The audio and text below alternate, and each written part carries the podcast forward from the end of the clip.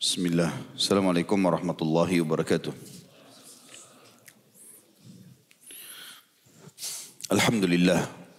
Selalu saja kita memuji sang pencipta Allah atas segala nikmat yang dilimpahkan kepada kita. Termasuk bisanya kita hadir di salah satu dari rumah-rumahnya dan juga menghadiri majlis ilmu tentu dengan ikhlas kepadanya dan juga berharap balasan yang sudah dijanjikan yang sangat banyak. Tentunya salah satunya adalah mendapatkan pahala haji yang sempurna. Juga ada pengampunan dosa pada saat bubar. Dan juga hadir bersama kita para malaikat yang membawa rahmat dari langit. Maka ini sebuah nikmat yang luar biasa yang mungkin tidak semua kaum muslimin diberikan kesempatan itu. Maka Alhamdulillah. Juga kita panjatkan selanjutnya salam hormat kita kepada manusia terbaik yang telah Allah pilih untuk menjadi utusannya dan menutup risalah langit. Tidak lagi Nabi dan Rasul setelahnya dan mengucapkan salam hormat kepada yang dijadikan ibadah oleh sang pencipta Allah dan satu kali salam hormat dibalas dengan sepuluh kali rahmat. Dan rahmat Allah luas sekali masuk dalamnya pengampunan dosa peninggian derajat dan pemenuhan segala kebutuhan. Maka sangat wajar sebagai orang yang beriman setelah memuji Allah Alhamdulillah. Kau lisan kita selalu mengucapkan salawat dan taslim kepada Nabi besar Muhammad sallallahu wa ala alihi wa sahbihi wasallam. Melanjutkan pada buku kita teman-teman sekalian panduan lengkap nikah dari A sampai Z. Dan kita masuk pada malam ini semoga Allah berkahi bab kedua jenis-jenis pernikahan yang diharamkan. Setelah sebelumnya kita sudah bahas panjang lebar motivasi agama dalam menikah. Baik bagi bujang dan gadis, juga bagi janda dan duda, semuanya masuk dalam perintah-perintah agama agar tidak tinggal sementara tidak memiliki pasangan. Kata penulis Allah yang maha suci dan maha murah menganjurkan kepada kita untuk menikah dan memberikan kepada kita berbagai anugerah berupa tempat tinggal, keharmonisan, anak dan pahala setiap kali seseorang dan tak kutip mendatangi atau menggauli istrinya. Jadi maksudnya banyak sekali pahala dalam pernikahan itu. Tetapi Allah tidak membiarkan untuk kita perkara ini menjadi sia-sia dan tanpa aturan. Bahkan dia di situ yang pegang bukunya, D-nya besar berarti kata ganti Allah, melarang kita dari berbagai jenis pernikahan yang pernah ada di masa jahiliyah. Oleh karenanya kita semua sebagai umat Islam wajib menjauhinya serta juga tentu mengetahuinya. Di antara pernikahan yang diharamkan yang pertama adalah nikah ar-rabtu. Ar-rabt. Apa itu nikah ar-rabt? Yaitu sejumlah laki-laki bersetubuh dengan seorang wanita. Jadi satu perempuan tapi banyak laki-laki yang menggaulinya. Kata beliau inilah yang disampaikan oleh Ummul Mukminin Aisyah radhiyallahu anha dalam hadis yang diriwayatkan oleh Al Bukhari darinya. Ia menuturkan nikah ar-rabt adalah sejumlah orang tidak lebih dari sepuluh orang menemui seorang wanita untuk bersetubuh dengannya. Ketika mereka berkumpul di sisinya, dia mengatakan kepada mereka, kalian telah mengetahui urusan kalian dan aku telah melahirkan anak. Ini adalah anakmu wahai fulan. Berilah ia nama yang kamu suka. Lalu anaknya diberikan kepadanya dan pria yang ditunjuk itu tidak tidak bisa menolaknya. Hadis riwayat Bukhari nomor 5127 dan Abu Daud 2272. Jadi ini jenis pernikahan yang haram yang pertama yang pernah ada di masa jahiliyah. Apa itu pernikahannya? Seorang laki-laki, seorang perempuan berzina, berzina, bukan pernikahan. Dia berzina dengan sepuluh laki-laki. Pada saat dia hamil, lalu melahirkan, si perempuan ini bebas memilih siapa ayah daripada anaknya. Misal dari sepuluh laki-laki itu, dia tunjuk yang ketiga, kamu adalah ayah anak ini. Maka dia tidak bisa menolak. Semua lingkungan memaksa si laki-laki itu untuk menjadi ayahnya si anak itu. Dan jadi suaminya si perempuan ini. Kata beliau, benar saudaraku dan saudariku yang budiman. Begitulah wanita dihinakan di masa jahiliyah. Tidak ada yang memuliakan dan mengangkatnya pada derajat yang tinggi kecuali Islam. Oleh karena itu setiap wanita muslimah semestinya bersyukur kepada Allah atas hak-hak yang diberikan Allah kepadanya dalam Islam. Artinya setiap wanita dalam Islam hanya memiliki satu suami. Tidak ada poliandri. Sehingga anak yang lahir di rahimnya dia tahu siapa ayahnya. Nikah yang kedua yang haram adalah nikah al-istibda. Nikah istibda ini artinya seseorang membawa istrinya kepada orang yang diinginkannya yaitu orang tertentu dari kalangan pemimpin dan pembesar yang dikenal dengan keberanian dan kedermawanannya agar sang istri melahirkan anak sepertinya. Tentu ini kebodohan di masa jahiliyah. Jadi masa dulu itu kalau ada orang yang tampan, kekar, punya wibawa, punya kekayaan, maka banyak masyarakat Mekah waktu itu membawa istrinya secara khusus untuk digauli oleh laki-laki itu. Dan kalau digauli sama laki-laki itu, suaminya meninggalkannya sementara. Sampai terlihat dia hamil, kalau sudah hamil istri dari laki-laki itu baru dia kembali menggauli istrinya kalau dia mau. Tujuannya hanya supaya dapat anak, supaya anak itu seperti si laki-laki pemberani tadi. Ini masa jahiliyah, pernikahan istibda namanya. Imam Bukhari meriwayatkan itu dari Aisyah radhiyallahu anha bahwa dia mengatakan Istibda itu nikah adalah seorang pria berkata kepada istrinya ketika telah bersih dari haidnya, pergilah kepada si fulan, lalu mintalah tidur dengannya. Kemudian suaminya menyingkirinya dan tidak menyentuhnya selama selamanya hingga nampak kehamilannya dari pria yang diminta menidurinya itu. Jika kehamilannya telah tampak, maka suaminya menyetubuhinya jika suka. Ia melakukan demikian hanya karena menginginkan kelahiran anak. Oleh karenanya nikahnya disebut dengan disebut dengan nikah al-istibda. Yang ketiga, jenis nikah yang haram adalah bersetubuh dengan pelacur. Wa. Perkawinan ini khususnya bagi bangsa Arab dilakukan oleh hamba sahaya wanita, bukan wanita yang merdeka. Karena bangsa Arab tidak membayangkan bahwa suatu hari wanita merdeka berzina. Karena itu ketika Nabi SAW mengambil janji terhadap para wanita yang membaiat beliau atas perkara Islam dengan sabdanya, janganlah kalian berzina. Maka seorang wanita di mereka bertanya, apakah wanita merdeka akan berzina? Tidak terlintas di benak kaum wanita dan pria dalam masyarakat Arab bahwa wanita merdeka akan berzina. Dan inna lillahi wa inna ilaihi rajiun kata beliau. Kita milik Allah dan kita akan kembali kepada Allah atas keadaan kaum muslimin sekarang ini.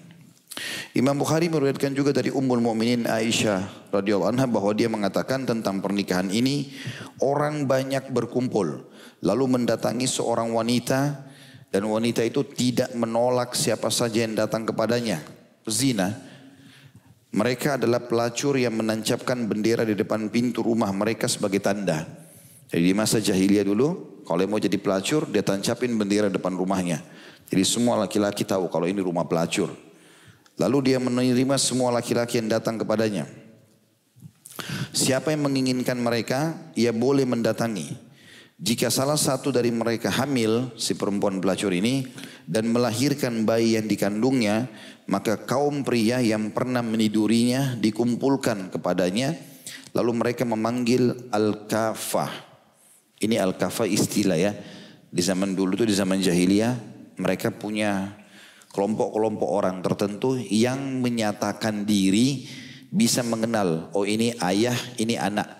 Mereka bisa lihat dari raut wajah, dari bentuk tubuh, dari warna kulit dan seterusnya. Itu disilakan dengan kafa. Mereka memanggil orang yang punya keterampilan itu, kemudian mereka menyambungkan anaknya kepada orang yang mereka lihat memiliki kemiripan Lalu wanita itu memberikan anak itu kepada si laki-laki dan ia dipanggil dengan menyebut nama anaknya. Seperti Abu Fulan yang berarti ayahnya si Fulan. Ia tidak dapat menolak hal itu. Ketika Muhammad SAW diutus dengan membawa kebenaran, maka beliau menghancurkan perkawinan ala jahiliyah seluruhnya. Kecuali pernikahan yang dikenal manusia pada hari ini. Maksudnya pernikahan dengan wali, mahar, dua saksi, kalimat akad yang sudah kita tahu. Maka itu yang sah. Semuanya selain itu dihapuskan oleh Nabi alaihi salatu wassalam. Dan hadis ini riwayat Bukhari di nomor 5127. Jenis pernikahan haram yang keempat adalah nikah mut'ah. Artinya menikahi wanita hingga waktu tertentu. Jika waktunya telah habis, maka perceraian otomatis terjadi. Syariat dengan tegas melarang ini. Tapi sekte Syiah Imamiyah membolehkannya. Perkawinan seperti ini sudah populer pada saat ini di Eropa. Dan mereka menyebutnya dengan perkawinan eksperimen. Nikah coba-coba saja. Cocok lanjut, nggak cocok pisah gitu. Sementara kita dalam Islam tidak boleh nikah dengan niat cerai. Kalau muta itu artinya dia dari awal nikah walaupun ada maharnya, walaupun ada saksinya, walaupun ada walinya, tapi dia cuma niat nikah sehari, sejam, seminggu, sebulan dan secara otomatis kalau udah selesai waktunya, udah selesai. Tidak lagi status suami istri. Pernikahan seperti ini juga tersiar di kalangan kaum muslimin dengan alasan bahwa pernikahan ini tidak diharamkan oleh syariat. Ini terjadi karena kebodohan mayoritas kaum muslimin tentangnya. Oleh karenanya kata penulis saya ingin membahasnya tersendiri dalam pembahasan kita ini. Yang pertama dalil-dalil yang mengharamkan dari hadis-hadis yang sahih. Hadis yang pertama adalah apa yang diriwayatkan oleh Abu Daud dan Tirmidzi dari Ibnu Abbas radhiyallahu anhuma. Ia berkata, mut'ah atau nikah hanya menikmati beberapa saat pada awal Islam ialah mut'ah wanita. Seseorang datang di suatu negeri dengan membawa dagangannya, sedangkan dia tidak mempunyai orang yang bisa menjaganya dan mengumpulkan barang perniagaannya kepadanya. Lalu ia menikahi seorang wanita hingga waktu yang diperlukan untuk menyelesaikan hajatnya. Kala itu ayat Al-Quran yang dibaca dan berlaku adalah firman Allah subhanahu wa ta'ala. فَمَسْتَمْتَعْتُمْ بِهِ مِنْهُنَّ فَآتُهُنَّ أُجُورَهُنَّ maka istri-istri yang telah kamu nikmati atau campuri di antara mereka, berilah kepada mereka maharnya dengan sempurna. Surah An-Nisa ayat 24. Hingga turun ayat Allah, Hurrimat alaikum ummahatukum wa banatukum wa akhawatukum wa ammatukum wa khalatukum wa banatul akhi wa banatul ukhti wa ummahatukum allati arda'nakum وأمهاتكم اللاتي أرضعنكم وأخواتكم من الرضاعة وأمهات نسائكم وربائبكم اللاتي في هجوركم من نسائكم التي دخلتم بهن. فإن لم تكونوا دخلتم بهن فلا جناح عليكم وحلائل أبنائكم الذين من أصلابكم وأن تجمعوا بين الأختين إلا ما قد سلف. إن الله كان غفورا رحيما. Wal muhsanatu minan nisa'i illa ma malakat aymanukum. Kitaballahi alaikum wa uhilla lakum ma wara'a dhalikum an tabtagu bi amwalikum muhsinina gaira musafihin. Al ayat ini surah An-Nisa ayat 23 sampai 24 yang dikatakan oleh Allah SWT diharamkan atas kamu mengawini ibu-ibumu anak-anakmu yang perempuan saudara-saudaramu yang perempuan saudara-saudara bapakmu yang perempuan, tante dari bapak, saudara-saudara ibumu yang perempuan, tante dari ibu, anak-anak perempuan dari saudara-saudaramu laki-laki, ponakan, anak perempuan dari saudara-saudaramu perempuan, ponakan juga ini, dari saudara laki-laki dan saudara perempuan, ibu-ibumu yang menyusuimu, saudara perempuan sepersusuan, ibu-ibu istrimu atau mertua, anak-anak istrimu yang ada dalam pemeliharaanmu dari istri yang telah kau campuri. Jika tetapi jika kamu belum mencampuri atau bercampur dengan istrimu itu dan sudah kamu ceraikan maka tidak berdosa kau mengawininya. Khusus yang terakhir ini ya yang dimaksud adalah kalau seseorang menikah dengan janda, janda itu punya anak gadis. Kalau kita sudah menggauli si janda, akad nikah, sudah berhubungan biologis walaupun cuma sekali, maka anak dia menjadi haram selamanya. Jadi anak kita, walaupun setelah sehari atau sehari setelah itu cerai sama ibunya. Tapi anaknya jadi mahram abadi karena kita sudah pernah menggauli si janda. Tetapi kalau kita menikah dan belum sempat menggaulinya, cerai atau meninggal si janda, maka anaknya belum menjadi mahram karena belum digauli walaupun sudah menikahi ibunya. Itu yang Allah katakan di sini dan anak-anak istrimu yang ada dalam pemeliharaanmu dari istri yang telah kau campuri. Tetapi jika kamu belum bercampur dengan istrimu itu dan sudah kamu ceraikan, maka tidak berdosa kau mengawininya, maksudnya anaknya. Dan diharamkan bagimu istri-istri anak kandungmu, menantu, dan menghimpun dalam perkawinan dua perempuan yang bersaudara, kecuali yang telah terjadi pada masa lampau. Jadi Islam membolehkan poligami, tapi harus wanita yang beda. Tidak boleh saudari sama saudari, adik sama kakak misalnya. Tidak boleh anak sama ibu, tidak boleh uh, ponakan sama tante. Jadi menjatuhkan antara dua orang bersaudara dalam satu naungan itu tidak dibolehkan kecuali di masa jahiliyah dulu dan sudah dihapus. Sesungguhnya Allah Maha Pengampun lagi Maha Penyayang dan diharamkan juga kamu mengawini wanita yang bersuami kecuali budak-budak yang kau miliki. Jadi selama masih status suami, masih status istri nggak boleh dinikahi. Termasuk kalau masih dalam masa iddah. Diceraikan oleh suaminya, belum lewat tiga kali masa haid, tidak boleh langsung dinikahi. Tunggu suci dulu tiga kali masa haid atau tiga bulan baru boleh dinikahi.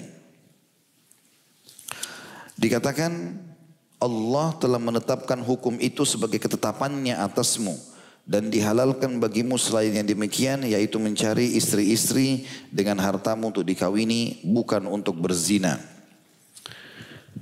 Kemudian mut'ah ditinggalkan dikatakan dalam riwayat ini dan ditetapkan nikah permanen jika mau dia boleh menceraikannya dan jika suka dia tetap menjadikannya sebagai istri. Keduanya saling mewarisi dan keduanya tidak mempunyai wewenang apa pun dalam perkara itu. Hadis ini diriwayatkan oleh Tirmidzi nomor 1121. Artinya di awal Islam pernah ada dibolehkan itu tapi hanya beberapa saat.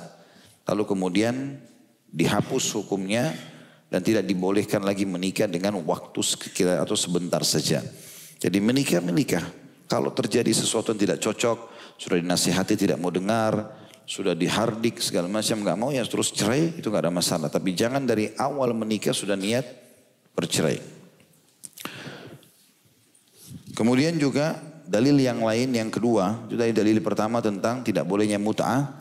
Al-Bukhari meriwayatkan dari Ali bin Abi Thalib radhiyallahu anhu bahwa Nabi SAW melarang menikahi wanita dengan nikah mut'ah dan memakan daging keledai piaraan pada waktu Khaybar.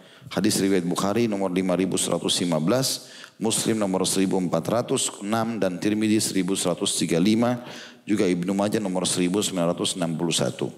Artinya sudah tidak lagi nikah muta dalam Islam karena di perang Khaybar juga Nabi SAW memastikan melarang itu. Itu juga dengan mengkonsumsi keledai. Keledai ada dua macam, kalau keledai liar, yaitu kuda zebra, halal. Kalau keledai yang hidup bersama masyarakat, tentu di Indonesia tidak ada ini ya. Di Timur Tengah banyak. Dia mirip dengan zebra, cuma tidak belang-belang warna kulitnya. Mirip dengan warna kuda. Dia lebih kecil dari kuda. Ini hukumnya tidak boleh dimakan.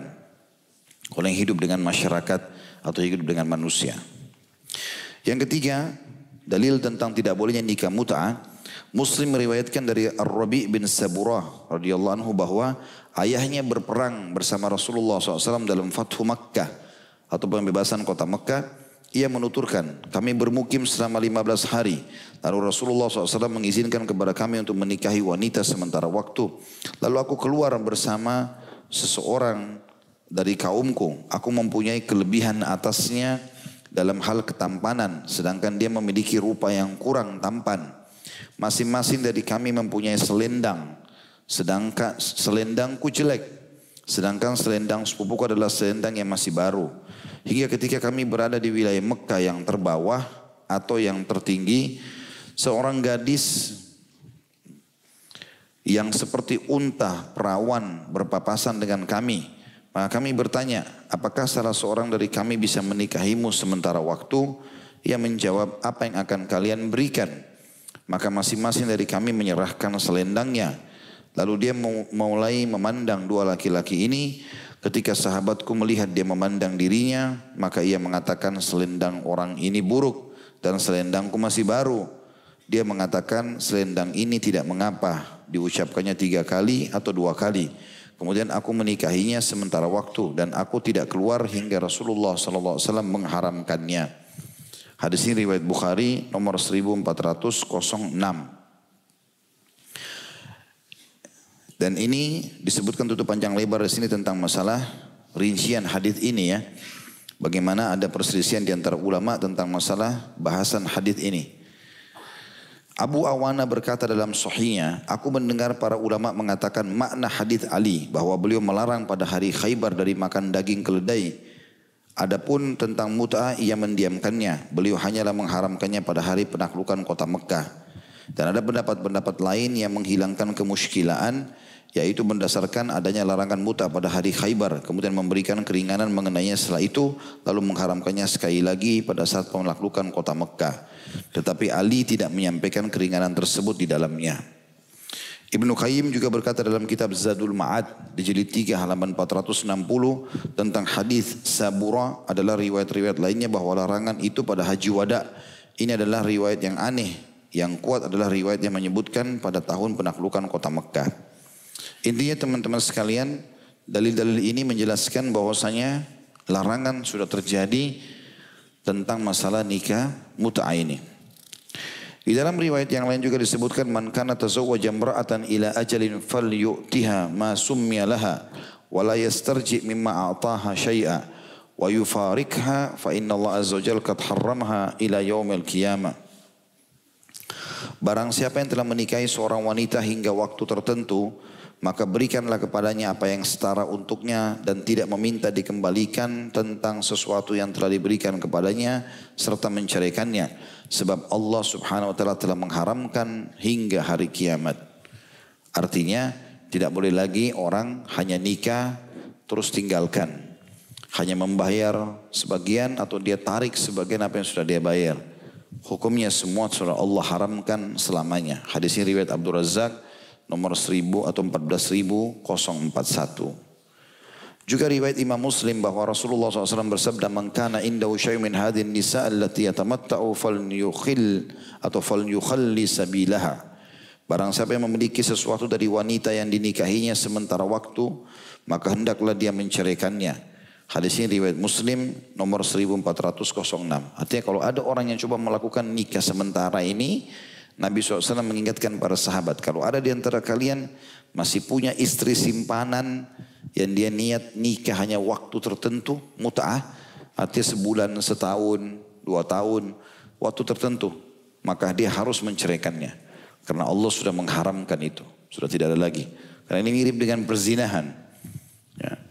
Jadi sama saja orang masuk naudzubillah ke tempat pelacur, kemudian dia mengatakan saya akan memakai kamu atau tidur sama kamu sejam, sehari berapa bayaranmu? Dibayarlah. Seperti itu kurang lebih gambaran nikah muta dan itu sudah dilarang. Kita sayangkan sekarang ini muslimin banyak sekali melakukan. Bahkan sampai pada tingkat mahasiswa, mahasiswa dan mahasiswi dengan alasan daripada berzina lebih baik nikah muta'ah. Gitu kan? Padahal ini hukum sudah diharamkan dalam syariat. Jadi kalau mau menikah, benar-benar menikah. Tidak ada niat cerai dengan syarat-syaratnya mahar, kalimat akad, dua saksi, ada walinya perempuan. Kalau berjalan ternyata ada hal-hal yang tidak bisa ada kecocokan, sudah diluruskan, tidak mau juga bercerai. Tapi jangan dari awal ada niat cerai itu. Yang keempat dalilnya Muslim meriwayatkan dari Iyas bin Salamah dari Labiyah radhiyallahu anhu ia mengatakan Rasulullah SAW memberi keringanan pada tahun Autas untuk menikah sementara selama tiga hari. Kemudian beliau melarangnya. Autas itu ada footnote nomor 11 tahun Autas ini memperjelas bahwa nikah muta diperbolehkan pada hari penaklukan Mekah.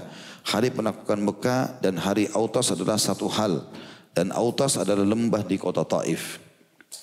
Sementara hadis ini diriwayatkan Muslim nomor 1405. Artinya pernah ada memang di awal Islam tapi sudah dihapus. Sudah tidak ada lagi sekarang. Ya, sudah tidak ada lagi sekarang. Kemudian ada pernyataan ulama tentang pengharaman nikah muta ini. Ibnu Qudama berkata rahimahullah dalam mazhab Hanabila, arti nikah mut'ah ialah menikahi wanita sementara waktu. Misalnya, seseorang mengatakan aku menikahkanmu dengan putriku selama sebulan, setahun, atau hingga berakhirnya musim. Ini adalah pernikahan yang batil.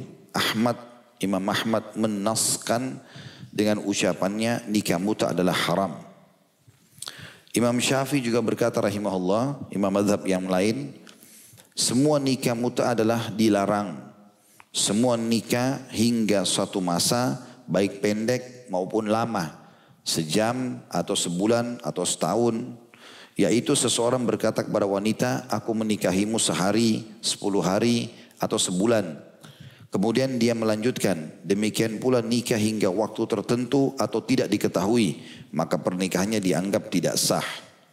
Berarti sudah dua madhab menolak semua itu termasuk dari dalil sahih mengatakan masalah itu.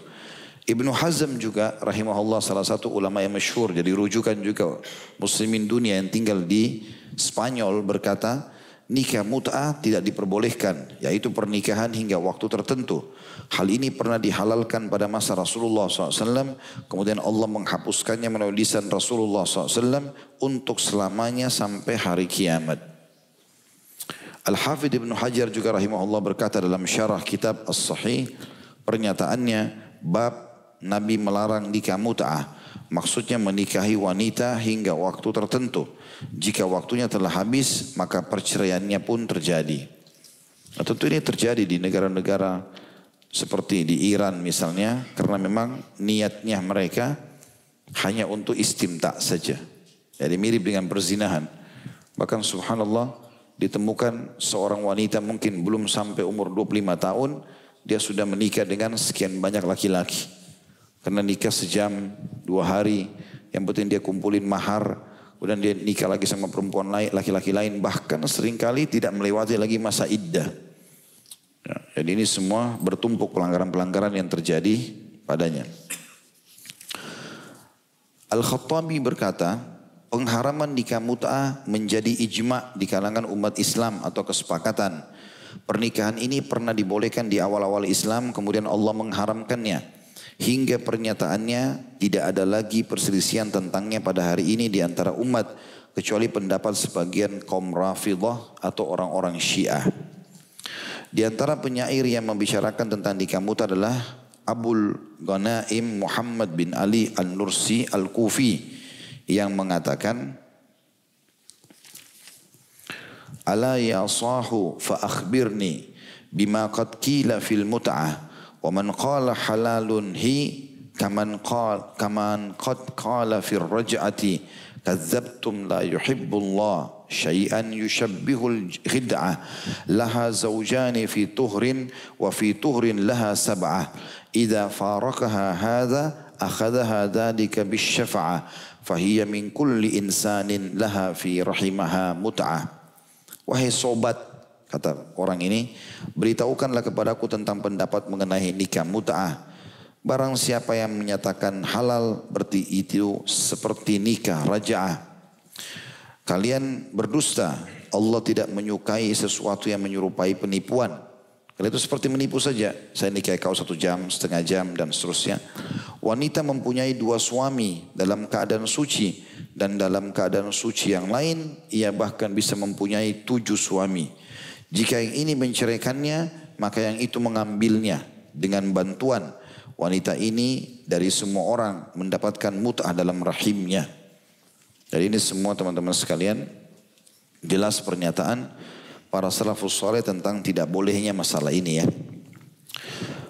Syekh Jibrin hafidahullah menjelaskan bahwa nikah mut'ah itu ya, Syekh Jibrin hafidahullah ditanya tentang nikah mut'ah. Apakah itu halal? Dengan dalil firman Allah SWT, فَمَسْتَنْتَأْتُمْ بِهِ مِنْهُنَّ فَآتُهُنَّ أُجُورَهُنْ Maka istri-istri yang telah kau nikmati, campuri di antara mereka, berikanlah kepada mereka maharnya dengan sempurna. An-Nisa 24. Nikah ini hanyalah diharamkan setelah wafatnya Nabi SAW. Ada dugaan kuat bahwa Umar yang mengharamkannya. Khalifah keempat Ali bin Abi Thalib radhiyallahu pun mengatakan seandainya Umar tidak mengharamkan mut'ah, niscaya tidak ada yang berzina kecuali orang yang celaka. Bagaimana kebenaran informasi ini? Karena orang-orang Syiah mengangkat itu, mengatakan bahwasanya Nabi nggak pernah larang nikah mut'ah. Semua yang dalil tadi masalah pengharaman di Khaybar dan seterusnya itu tidak benar. Tapi yang mengharamkan Umar, lalu Ali bin Abi Thalib juga membantahnya. Benar enggak informasi ini? Kata Syekh Jibrin rahimahullah, nikah mut'ah dihalalkan pada awal Islam saja karena mereka belum lama meninggalkan kekafiran. Jadi ia diperbolehkan untuk menjinakkan mereka kemudian mengharamkannya atau terharamkan pada saat penaklukan Mekah hingga hari kiamat. Bukan Umar yang mengharamkannya, tapi Umar hanyalah melarang menunaikan haji tamattu. Sebagaimana kalian atau sebagian kalangan keliru menilainya. Adapun yang dinukil dari Ali, maka itu hanyalah informasi dusta yang disebarkan oleh kaum Rafidah. Adapun ayat tersebut mengenai pernikahan dan al-ujur atau al-mahar di dalam ayat Al-Quran wa atuhunna saduqatihinna berikanlah mas kawin kepada wanita yang kamu nikahi sebagai pemberian yang penuh dengan kerelaan wallahu alam. Jadi ini termasuk nikah yang diharamkan yang sudah tersebar di tengah-tengah masyarakat kita. Nikah yang terakhir berhubungan dengan masalah yang haram ini, maaf masih ada sebenarnya, masih ada nikah syigar, tapi ada nikah urf selain mut'ah. Nikah urf ini Syekh Jibrin menjawab nikah urf oleh sebagian kalangan disebut dengan pernikahan sementara. Itu juga sama dengan pernikahan mut'ah. Dan istilah ini sama saja. Tidak dibolehkan. Dan ini hukumnya tentunya haram. Ya. Kita masuk teman-teman yang terakhir di sini adalah nikah sigar. Itu ada di halaman 54. Maksudnya yang kita bahas pada malam ini ya. Ada tujuh di sini, ada tujuh rupanya. Ini yang keenam sekarang. Ada lima, enam, tujuh. Yang kelima nikah sigar. Yaitu wali menikahkan gadis yang diutusnya kepada seorang pria dengan syarat dia menikahkan pula dengan gadis yang diurusnya. Jadi misalnya nikah sigar ini seseorang, kita tidak kasih contoh dari kita di sini, tapi seseorang berkata, saya akan nikahkan kau sama anak perempuan saya atau adik perempuan saya, tapi dengan syarat kau juga nikahkan saya dengan anak perempuanmu. Dia kasih syarat seperti itu. Ini tidak boleh, batil. Belum tentu anaknya orang itu mau nikah sama kita. Belum tentu juga anak kita mau nikah sama dia. Tapi kalau terjadi kesepakatan antara dua laki-laki, kalau saya akan nikahkan kau sama anak perempuan atau adik perempuan saya, tapi dengan syarat kau juga nikahkan saya dengan anak atau adikmu. Nafi' salah satu ulama tabi'in Maula Ibnu Umar berkata, Sigar ialah seorang laki-laki menikahi putri laki-laki lainnya dan dia pun menikahkannya dengan putrinya tanpa mahar lagi. Atau seseorang laki-laki menikahi saudara perempuan laki-laki lain lalu dia menikahkan pula orang itu dengan saudara perempuannya tanpa mahar. Dan Imam An-Nawawi berkata para ulama sepakat bahwa pernikahan itu terlarang. Tidak dibolehkan. Sesuai dengan hadis Nabi SAW diriwayatkan Imam Muslim. La shigara fil Islam. Tidak ada nikah shigar di dalam Islam tentunya. Yang keenam nikah yang haram nikah tahlil. Nikah tahlil ini kalau seandainya ada laki-laki menceraikan istrinya dia bilang saya ceraikan kamu. Jadi kan. Kalau satu kali dia ucapkan, dua kali dia ucapkan, ini masih diistilahkan dengan tolak raj'i. Tolak yang bisa kembali. Jadi kalau orang marah sama istrinya atau dia tidak suka, lalu dia mengatakan saya ceraikan kamu. Selama masih tiga kali masa haid, kalau mereka baikan, rujuk. Namanya tolak raj'i. Gak perlu akad nikah, gak perlu mahar segala macam. Tapi kalau lewat dari masa iddah, mereka harus nikah lagi baru. Sekali cerai masih bisa begitu, dua kali cerai masih bisa begitu. Allah mengatakan at-talaku marratan. Cerai itu dua kali. Kalau yang ketiga kali dia ucapkan, dia bilang, saya ceraikan kamu. Tapi ini sudah yang ketiga, ini namanya tolak bayin. Nah di sini tidak bisa lagi mereka kembali. Kecuali si mantan istri ini menikah sama laki-laki lain, lalu bercerai normal, sudah berjalan rumah tangganya, normal dia ada masalah, bercerai setelah setahun dua tahun, baru terbuka variabel untuk menikah dengan mantan suami pertama. Kalau ada laki-laki yang bermain-main, bila bilang sama istrinya saya ceraikan kamu, saya ceraikan kamu. Lalu sampai tiga kali diucapkan sama dia. Kan terjadi tolak bayin. Lalu dia menyesal. Terus dia bilang sama temannya, nikahi istri saya ini. Habis kau akad nikah, ceraikan langsung ya, supaya halal buat saya. Nah ini hukumnya haram. Karena dia permainkan itu. Ini dilarang. Dikatakan oleh Ibnu Mas'ud radhiyallahu anhu bahwasanya Rasulullah SAW melaknat muhallil dan muhallal lahu. Yang dimaksud dengan muhallil berasal dari kalimat tahlil yaitu orang yang menikahi wanita yang ditolak tiga dengan niat untuk diceraikannya lagi setelah menyetubuhinya atau orang yang mentolak tiga tersebut dapat menikahinya kembali. Jadi dia nikah langsung dia ceraikan untuk bantu temannya saja supaya bisa rujuk sama istrinya. Ini tidak boleh. Makanya teman-teman di sini laki-laki terutama hati-hati dengan ucapan kalimat cerai, nggak boleh. Hukumnya haram kalau kita sembarangan bermain. Maksudnya haram ini bisa menjadi haram si istri kalau sampai tiga kali. Udah nggak boleh lagi, gitu kan? Kalimat-kalimat ini berbahaya sekali. Sama juga dengan orang kalau menuduh pasangannya berzina. Misal dia tuduh istrinya, kau berzina. Kalau seseorang dalam Islam menuduh orang lain berzina supaya ditegakkan hukum pada orang yang tertuduh harus ada empat saksi. Saksi ini empat semuanya terpercaya melihat orang yang sama di tempat yang sama di waktu yang sama empat empatnya sama baru orang yang berzina itu ditegakkan hukum padanya. Kalau kurang dari empat saksi nggak boleh kecuali suami istri. Kalau suami istri mereka boleh memberikan kesaksian buat dirinya sendiri yang dikenal dengan sumpah ya li'an saling melaknat pernah terjadi di zaman Nabi SAW ada satu sahabat menuduh istrinya selingkuh sama laki-laki lain. Waktu dituduh selingkuh sama laki-laki lain maka Nabi SAW mengatakan apa kau yakin? Dia bilang ya saya yakin. Dipanggil istrinya. Begitu datang istrinya dikatakan suamimu tuduh kau berzina. Dia bilang tidak. Kata Nabi SAW, kalian berdua siap bersumpah? Mereka mengatakan iya. Suami bilang iya, istri bilang iya. Suami ngotot istrinya zina, istri ngotot dia tidak selingkuh, tidak berzina. Maka Nabi ingatkan, hati-hati. Pasti ada yang bohong di antara kalian. Jangan main-main soal ini. Hukuman akhirat lebih berat. Pasti ada yang bohong nih. Tapi dua-duanya ngotot. Maka suami bersumpah lima kali. Dia bilang demi Allah dia memang selingkuh. Demi Allah dia selingkuh, demi Allah dia selingkuh, demi Allah dia selingkuh sampai empat kali. Yang kelima Allah melaknat dia kalau perempuan itu tidak selingkuh atau dia berdusta menuduh. Lalu si perempuan supaya tidak dihukum rajam, karena orang kalau sudah menikah hukumnya rajam, dia bersumpah juga lima kali.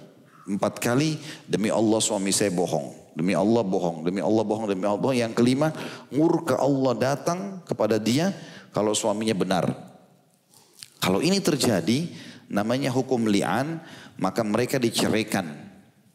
Dan ini cerai nggak bisa kembali lagi selamanya. nggak bisa kembali lagi selamanya. Terjadi tolak bayin. Terjadi tolak bayin. Insya Allah sebentar lagi kita langsung azan ya. Jadi tolak ini atau cerai ini tidak boleh kembali lagi. Dan ini yang ada dalam Islam. Serta tidak ada teman-teman sekalian yang dikenal dengan sumpah pocong. Nah, karena di Indonesia orang kalau cerai, ya, maaf, kalau dia tuduh pasangannya selingkuh, maka sumpah pocong. Dipakaikan kain kafan, kemudian dibacakan surah Yasin dengan berharap kena laknat. Ini belum pernah ada contoh yang ada hukum lian tadi yang sudah kita jelaskan.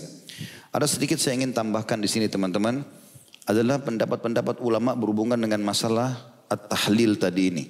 Imam Trimiti berkata, pengalaman atas hal ini dilakukan para ulama dari kalangan sahabat Nabi Shallallahu Alaihi Wasallam seperti Umar bin Khattab, Uthman bin Affan, Abdullah bin Umar dan juga selainnya. Serta ini pun pendapat para fukaha dan tabi'in bahwasanya nikah muhallil haram. Gak boleh. Asyafi berkata pernikahan muhallil jadi laki-laki yang menyuruh tadi temannya nikahi istrinya lalu ceraikan langsung ini adalah haram. Karena Rasulullah SAW telah melaknat pelakunya. Ibnu Qudama juga mengatakan bahwasanya pernikahan muhallil adalah haram, lagi batil. Menurut pendapat seluruh ahli ilmu, tidak terkecuali. Baik walinya mengatakan, aku menikahkanmu dengannya hingga kamu menyetubuhinya, maupun tidak ada syarat menggaulinya. Jadi mantan istri yang diceraikan sampai tiga kali itu disentuh, digauli oleh suaminya yang sekarang walaupun hanya sementara baru diceraikan atau tidak digauli. Dua-duanya hukumnya tidak boleh. Bahkan Imam Syafi'i lebih tegas lagi mengatakan kedua bentuk pernikahan ini ya, atau kedua orang ini dua-duanya berdosa.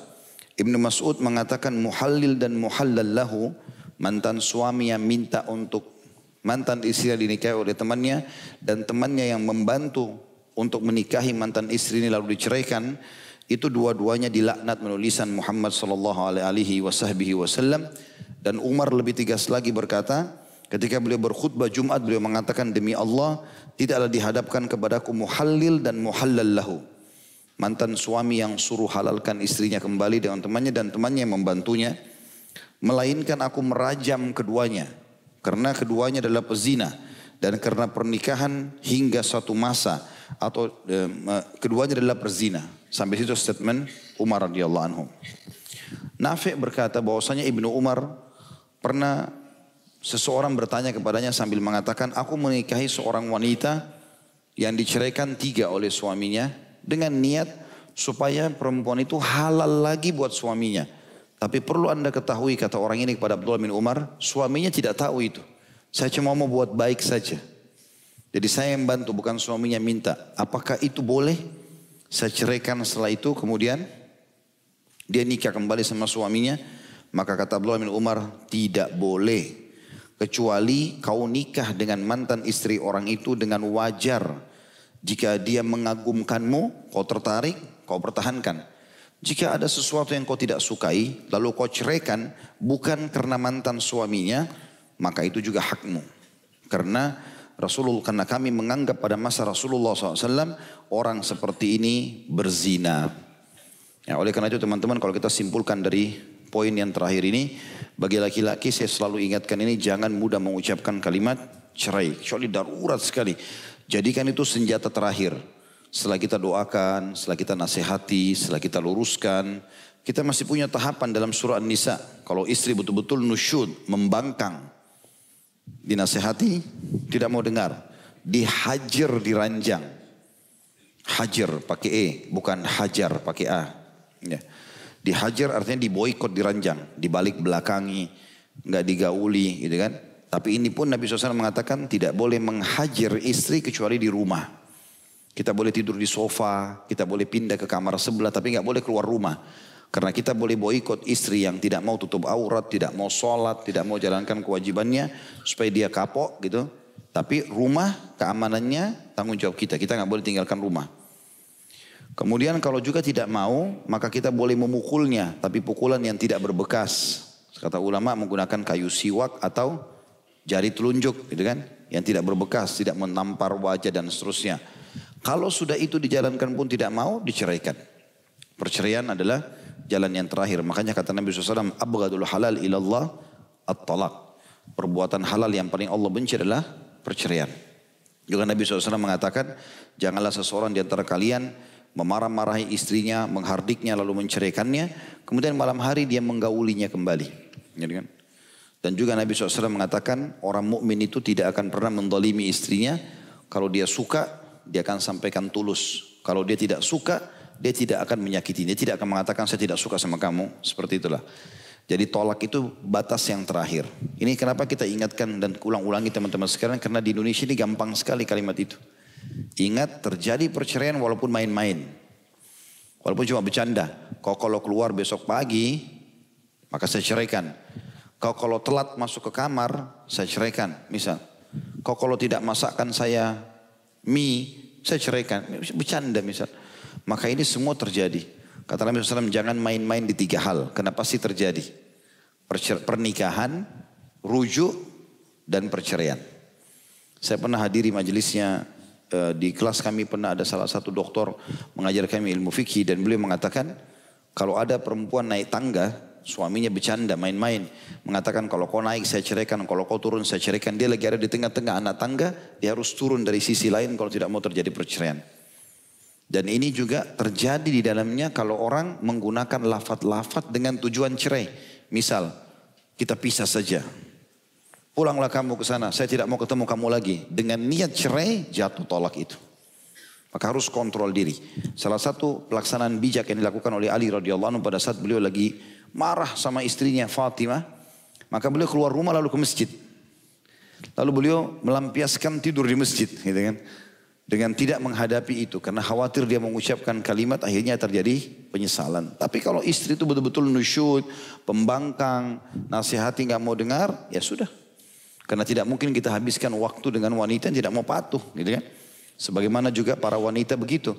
Mereka memang tidak bisa menceraikan suaminya, tetapi kalau suami betul-betul fasik, buruk, pemabuk, pembunuh, pejudi dan segala macam, narkotika, dinasihati tidak mau dengar, ya sudah.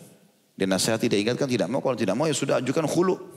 Ya kan? Dia istikharah kepada Allah SWT. Dia ajukan khulu. Khulu itu artinya dia ajukan kepada hakim setempat untuk mencari, untuk menarik haknya suami. Nanti hakim yang menentukan atau kalau kita hakim di pengadilan agama di Indonesia yang menentukan diceraikan dari suaminya. Seperti itulah. Allahu a'lam.